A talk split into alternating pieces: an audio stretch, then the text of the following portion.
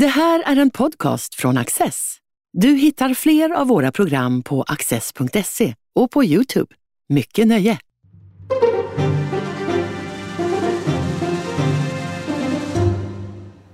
Välkomna till Studio Access och eh, varmt välkommen till HG Axberger, min gäst idag. Du är jurist, eh, ja, du har en mycket lång eh, meritlista inom juridiken av ett justitieombudsman bland annat. Du var också ledamot och huvudsekreterare så småningom i den så kallade granskningskommissionen som granskade utredningarna av eh, mordet på Olof Palme. Och du har nu i dagarna kommit med en bok, Statsministermordet, där du summerar eh, den här långa, unikt långa, antar jag, förundersökningen. 34 år mm. eh, höll den på.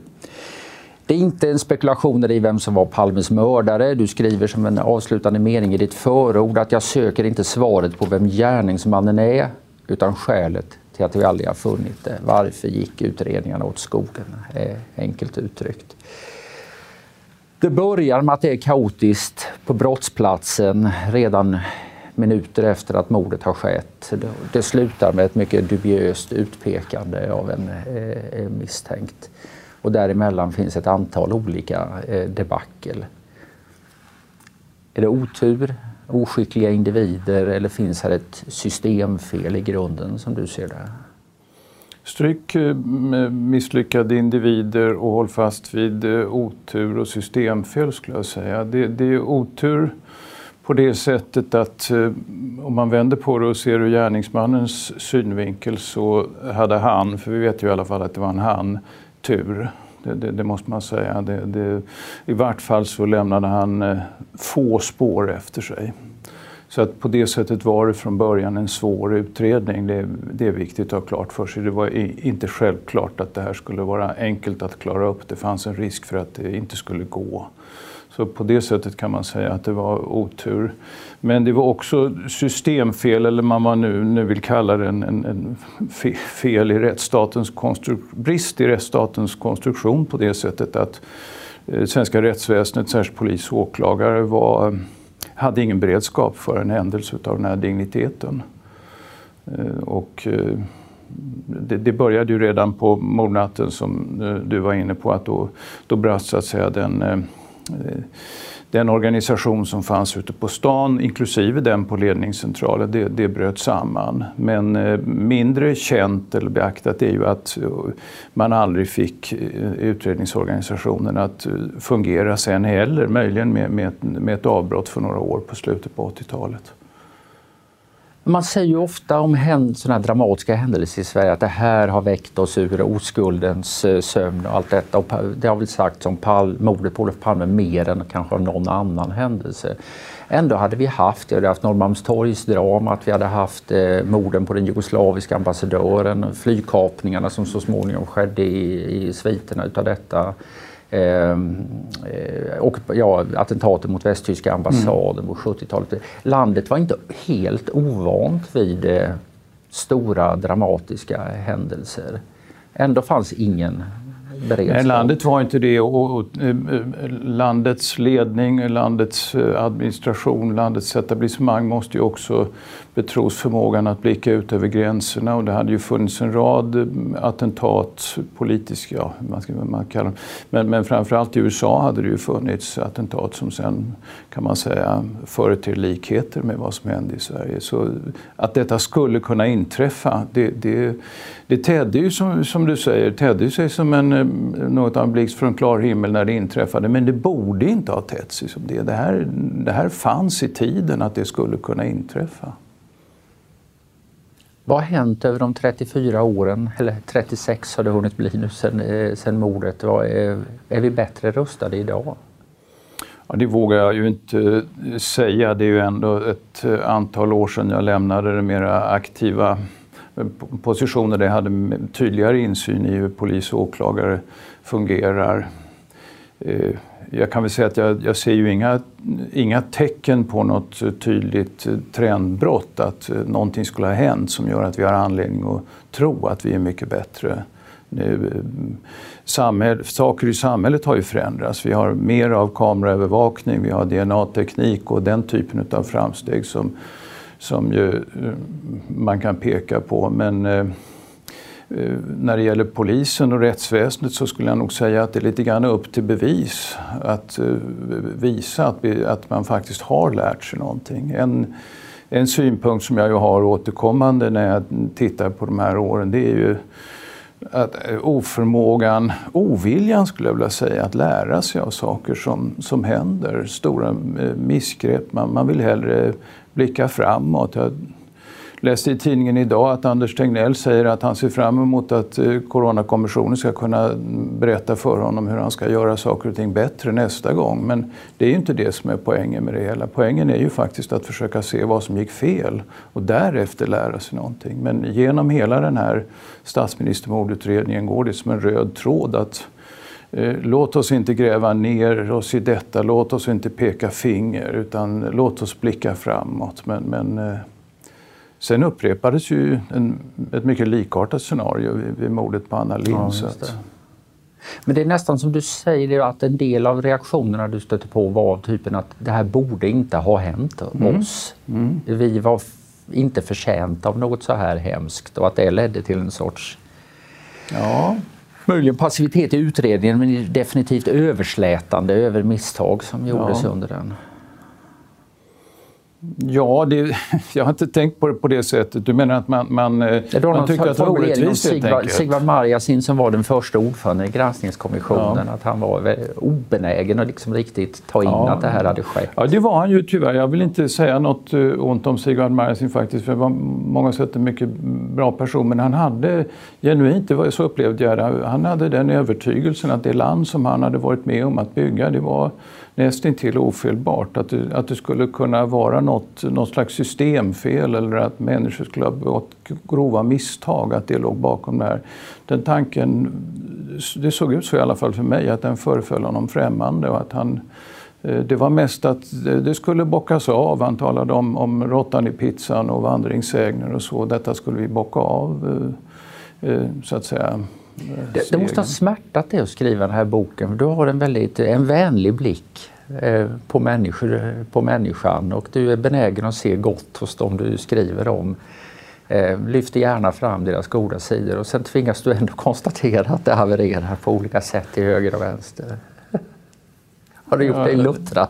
det här arbetet? Nej, men det, det beror nog. Alltså, ja. Granskningsarbete har jag ju, tillfälligheter har gjort att jag kommit att syssla mycket med, med, med, det i livet och en erfarenhet har varit att man kommer längre om man försöker förstå människor. Att det, det vanekriminella och psykopater och så kan ju ljuga ohejdat men de flesta andra människor ljuger inte utan de försöker framställa saker och ting i så positiv dager som möjligt från sin egen utgångspunkt men de ljuger inte direkt och oftast har människor försökt göra eh, från sin utgångspunkt i alla fall gott. Att man kommer inte så långt med de här förklaringarna att det var den eller den. Det tydliga exempel, det tydligaste exemplet är ju, är ju Hans Holmér. Det, det, är klart att han misslyckades så att han har mycket att svara för. Men, men eh, omgivningen och det som inte var förberett och, och de som fanns omkring honom och borde ha sagt någonting.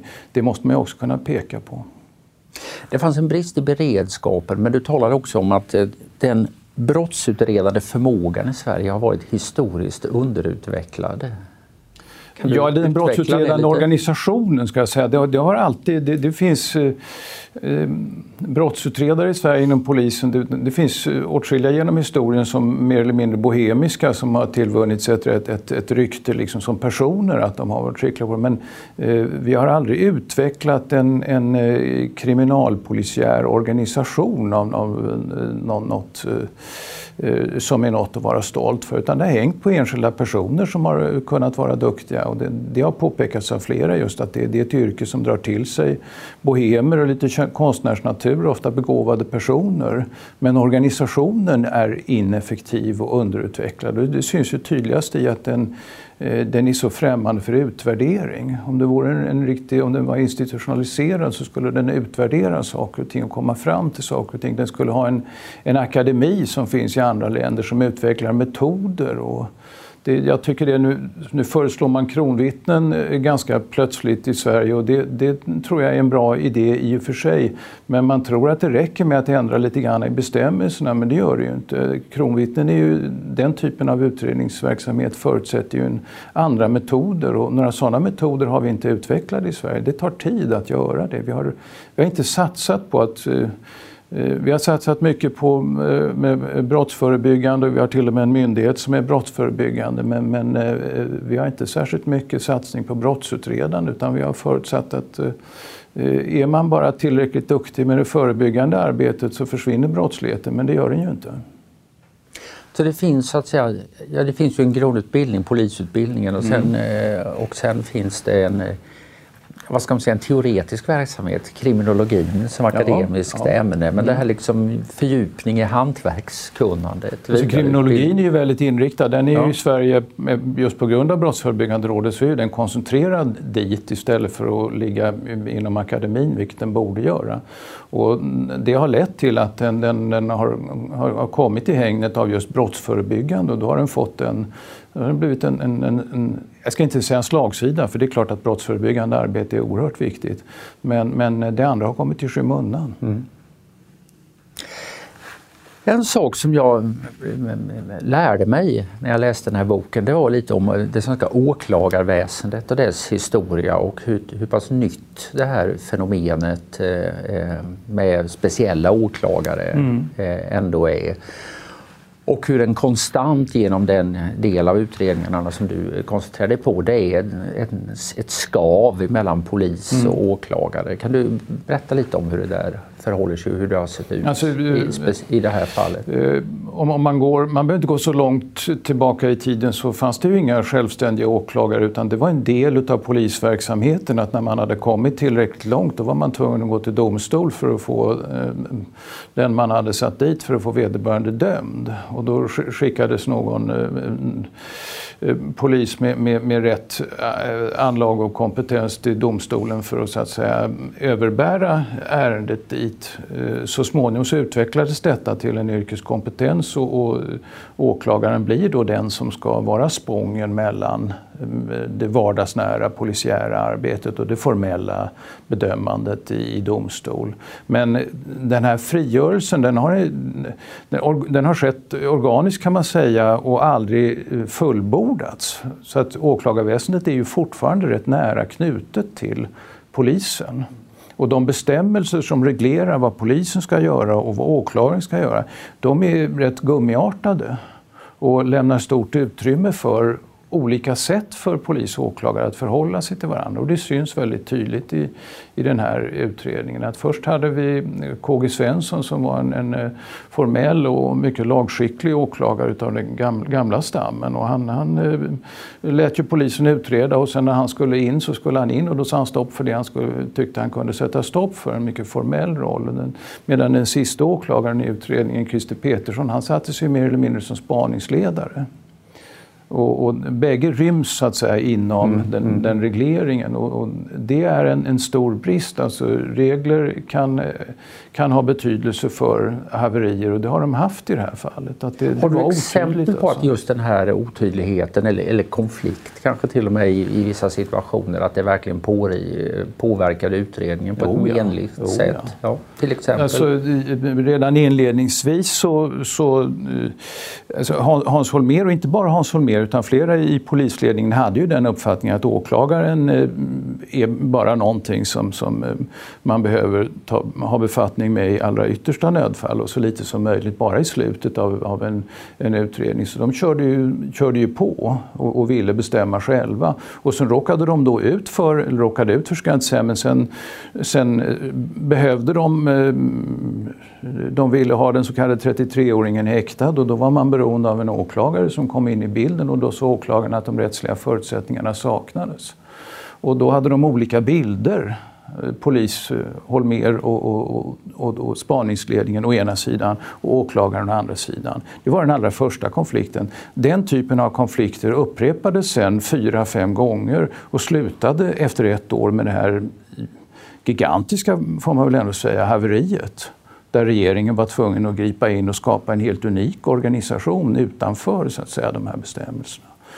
Och det är när man har gripit ett mycket stort antal eh, personer som var, ansågs vara knutna till PKK och som, man, som åklagaren i stort sett släpper, eh, om jag förstår din bok rätt, eh, ja, i stort sett eh, samtidigt ja, de tar in de de och ställer lite ja. kontrollfrågor och konstaterar att nu kommer vi inte längre och så släpps de medan spaningsledningen hade ju föreställt sig att de här skulle sitta länge och att man skulle Sitta ta in ännu fler. liksom. Och, Ja. ja, och, och att man, de, man tog saker och ting i beslag och, och, åklagarna släppte dem då i stort sett omgående och uh, återställde beslagen.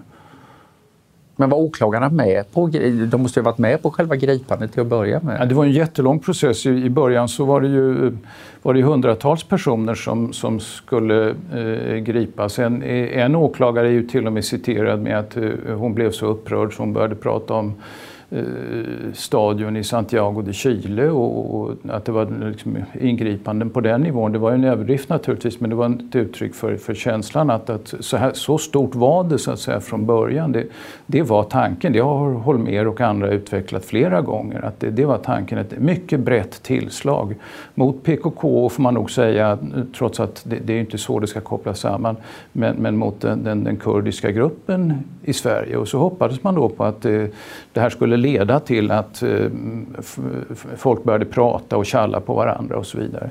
Eh, så var det ett långt förhandlande, pågick ju i, i månader och slutade, till slut så, så var det då bara ett 20, drygt 20-tal personer som, som togs. Men det är inte så bara, det var en stor operation i alla fall.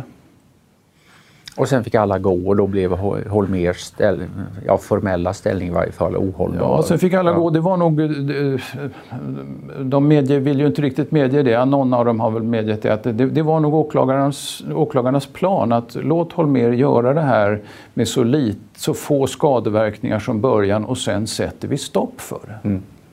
Och det var det som hände och det är också det tydligaste exemplet på att, eh, och det hade nog pågått ett tag, att, att eh, Hans Holmér hade, var inte längre verklighetsförankrad. Detta kom som en överraskning för honom men det kan, det- alltså, för åklagarna gjorde det inte och för omgivningen kan det heller inte egentligen ha gjort. Det fanns massor med tecken på att det var precis så här de tänkte göra. En annan relation, om det var åklagare polis, så finns den med eh, politiker kontra eh, förundersökningen. Där man ju blir eh, ganska om- omedelbart så kommer det in någon observatör från regeringskansliet som ska följa eh, förundersökningen.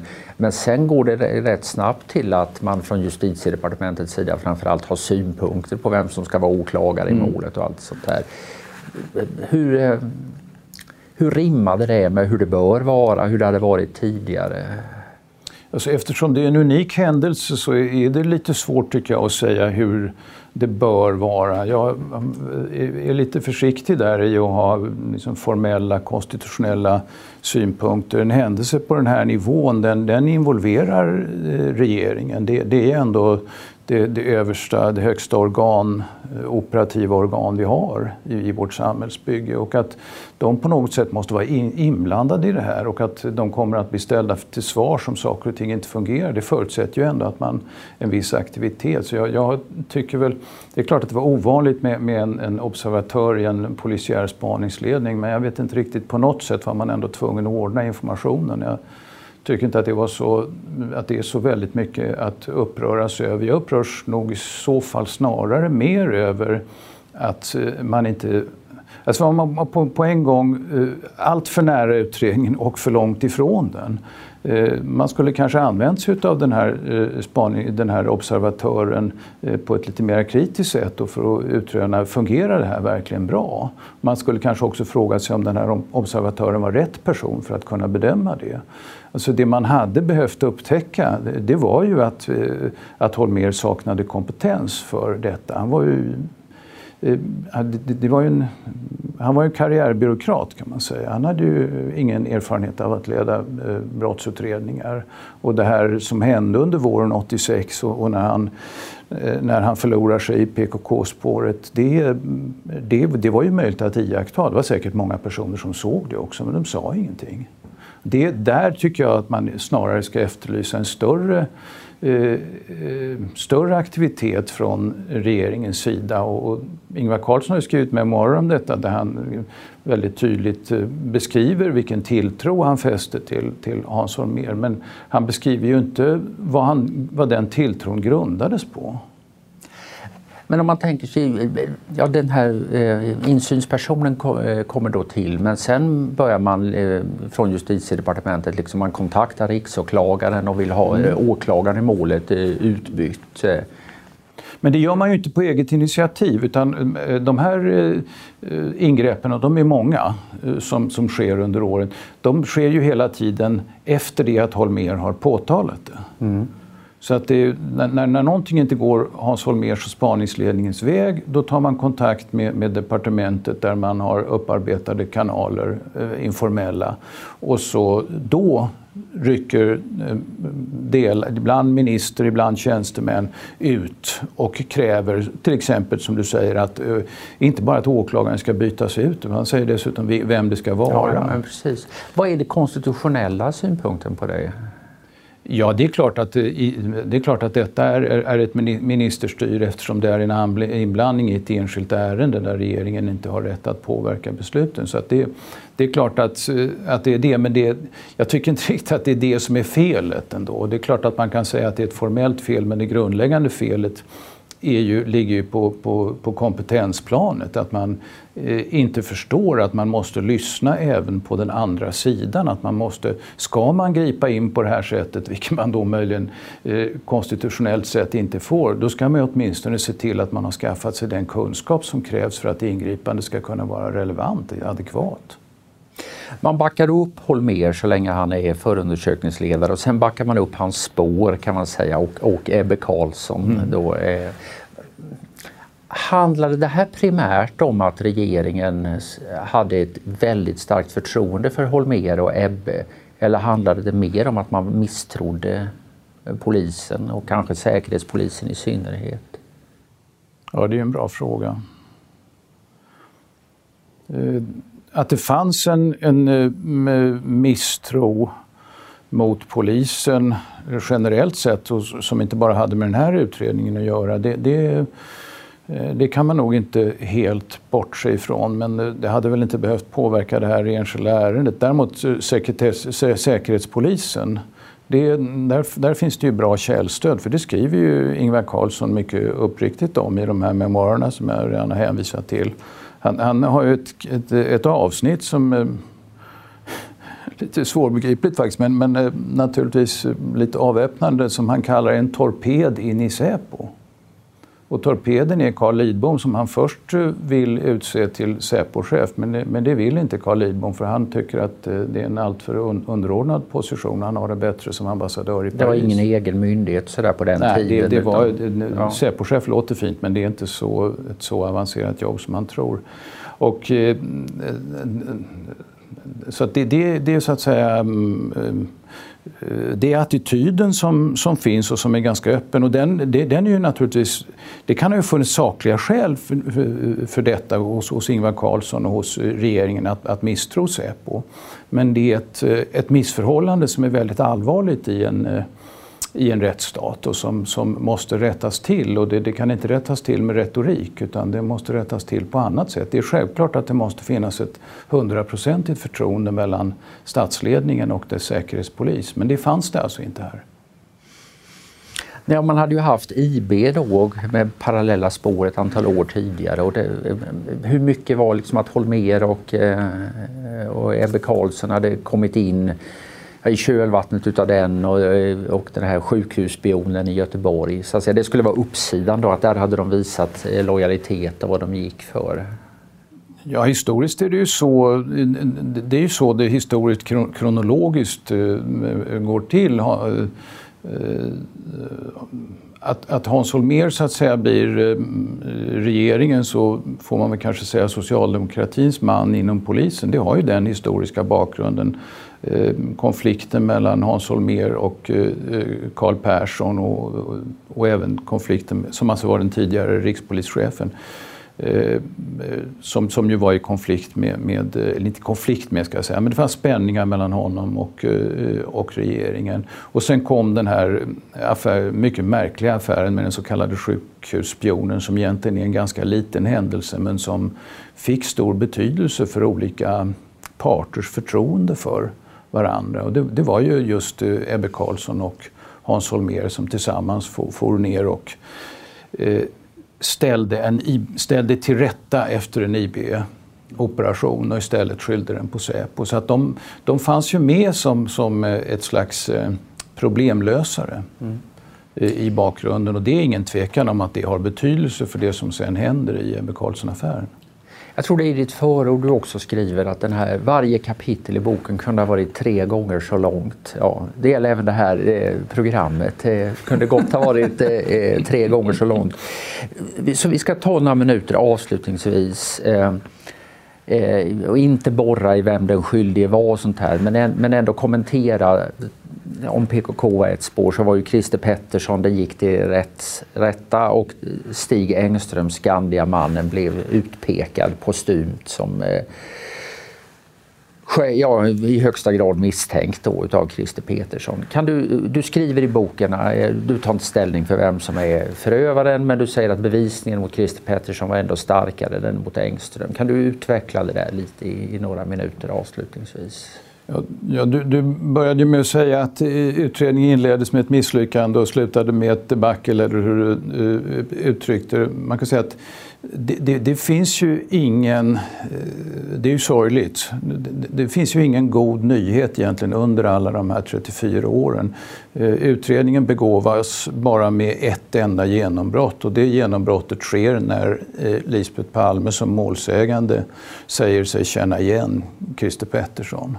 Då har man någonting som är rättsligt användbart, ett, ett bevis, alltså ett bevispåstående, någonting som om det är korrekt binder en gärningsman vid brottet, det är någonting användbart. Det ska jag säga egentligen det enda, inte egentligen, det är det enda eh, bevispåståendet som den här utredningen har frambringat och det är Eh, man kan göra olika värderingar men man kan ju hänvisa till domstolarna och säga att bägge domstolarna som bedömde det ansåg ju att eh, Lisbeth Palme var eh, trovärdig och fäste stor vikt vid hennes igenkännande. Men de tyckte inte att det räckte. Så det är ju ett starkt, i, rättslig mening då, en, en ett starkt eh, starkt bevis som, som finns i den här utredningen. Om man jämför det med, med utredningen eh, mot eh, Skandiamannen så där saknas ju helt bevis. Och så vitt jag förstår så saknas det också indicier i den meningen, alltså ett, eh, ett belagt påstående som pekar i riktning mot. Eh, utan det är en teori som man kan finna mer eller mindre sannolik och jag har all respekt för att man som Thomas Pettersson som har skrivit en bok om detta eh, tycker att den här teorin är intressant och, och gärna vill fördjupa sig i den. Men, men det finns inga bevis och, och, och som sagt inga indicier och, och, därför har jag skrivit det i boken att rättsligt sett så är utredningen mot Christer Pettersson och det som finns mot Skandiamannen, det är skilda världar. Apropå utpekandet av Engström så skriver du att det är en gåta varför mordutredningen avslutades så osakligt, förnuftsvidrigt och laglöst. Mm. Det är hårda ord eh, för att komma från H.G. Axberger. Eh, har du funderat på svaret på den gåtan?